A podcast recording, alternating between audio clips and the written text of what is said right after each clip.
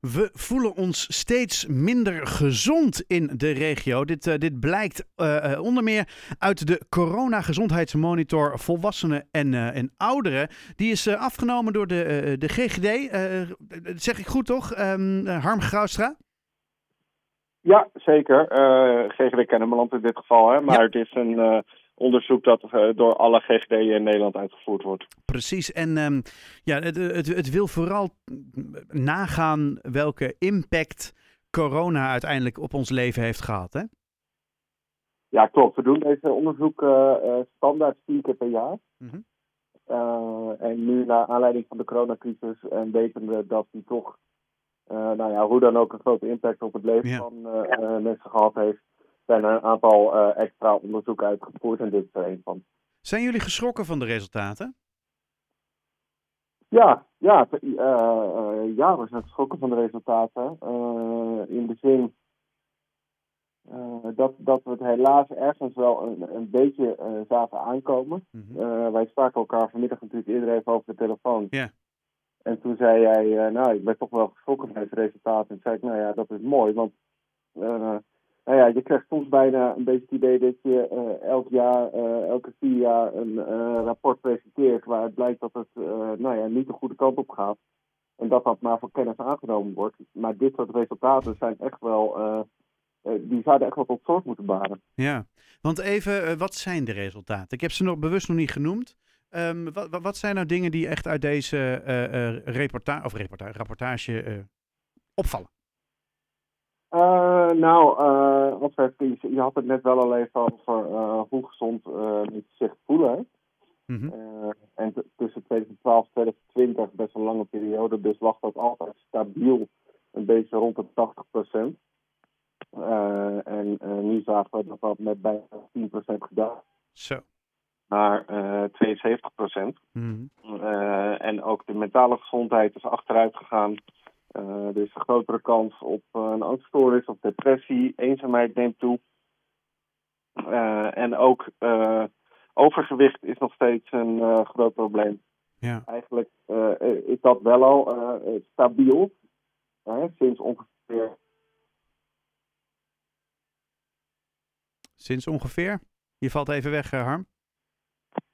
Ongeveer de, de helft van de inwoners heeft overgewicht. Ja dat is redelijk stabiel gebleven. Nou, dat is fijn. Um, alleen onze verbinding is niet zo heel stabiel. Um, sowieso is het dus een, een, een, um, ja, een hele vervelende situatie. Uh, en is dit nou allemaal terug te schrijven, uh, Harm, op die uh, coronaperiode?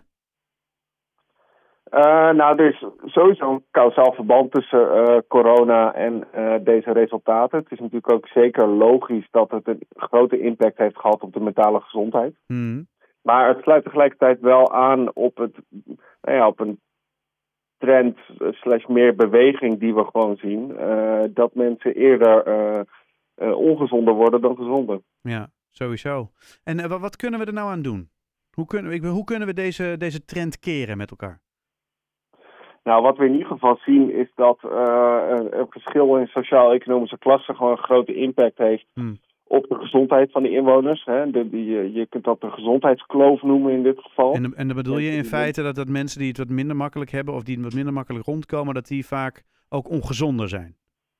Ja, precies. Mhm. Uh, en dat kun je terugleiden tot, uh, nou, bijvoorbeeld iets als dat uh, gezonde producten relatief duur zijn. Mm.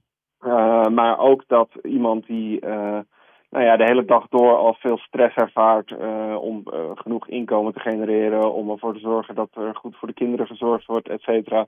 Dat die, uh, nou ja, niet per se nog de denkruimte over heeft om na te denken over een gezonde leefstijl. Ja, precies.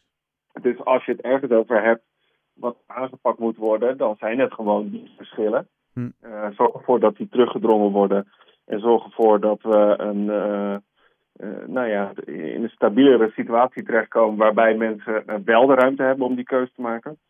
En tegelijkertijd zijn er ook gewoon hele praktische zaken. Een voorbeeld uh, van een kaas die nu speelt is 0% BTW op groente en fruit. Ja. waar wij groot voorstander van zijn, omdat we uit wetenschappelijk onderzoek gewoon zien dat het ervoor zorgt dat zeker ook mensen uit die lager, lagere sociaal-economische klassen daardoor meer groente en fruit gaan eten. en dat is een beetje het spoor waar wij op zitten. interventies, dus manieren om in te grijpen waarvan je een wetenschappelijke basis hebt, waarvan je weet dat ze gaan werken. Mhm. Daar moeten we zoveel en zo snel mogelijk mee gaan werken. Ja, ja dus uh, evidence informed sowieso. Ja, precies, precies, inderdaad. En uh, voor ons uh, in de regio betekent natuurlijk ook dat we gewoon goed moeten optrekken met gemeenten om ervoor te zorgen dat gezondheid een plekje krijgt in elke vorm van beleid. Ja, en hoog op de agenda blijft staan, hè? Ja, precies. moet hoog op de agenda blijven staan. En er zijn allerlei mooie initiatieven voor. Er is onlangs weer een gezondheidsakkoord geïntroduceerd. En dat moet richting dit najaar een beetje zijn vorm gaan krijgen. Mm -hmm. Maar het betekent ook dat gezondheid een plek moet krijgen in uh, ruimtelijk beleid. en sociaal-economisch. En zo eigenlijk alle beleidsterreinen. Want overal valt nog winst te behalen op dit moment. Hmm, ja.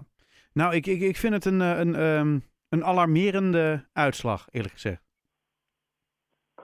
Ja, wij ook. Uh, en het motiveert ons gelukkig wel om uh, gewoon nog meer de schouders op te zetten.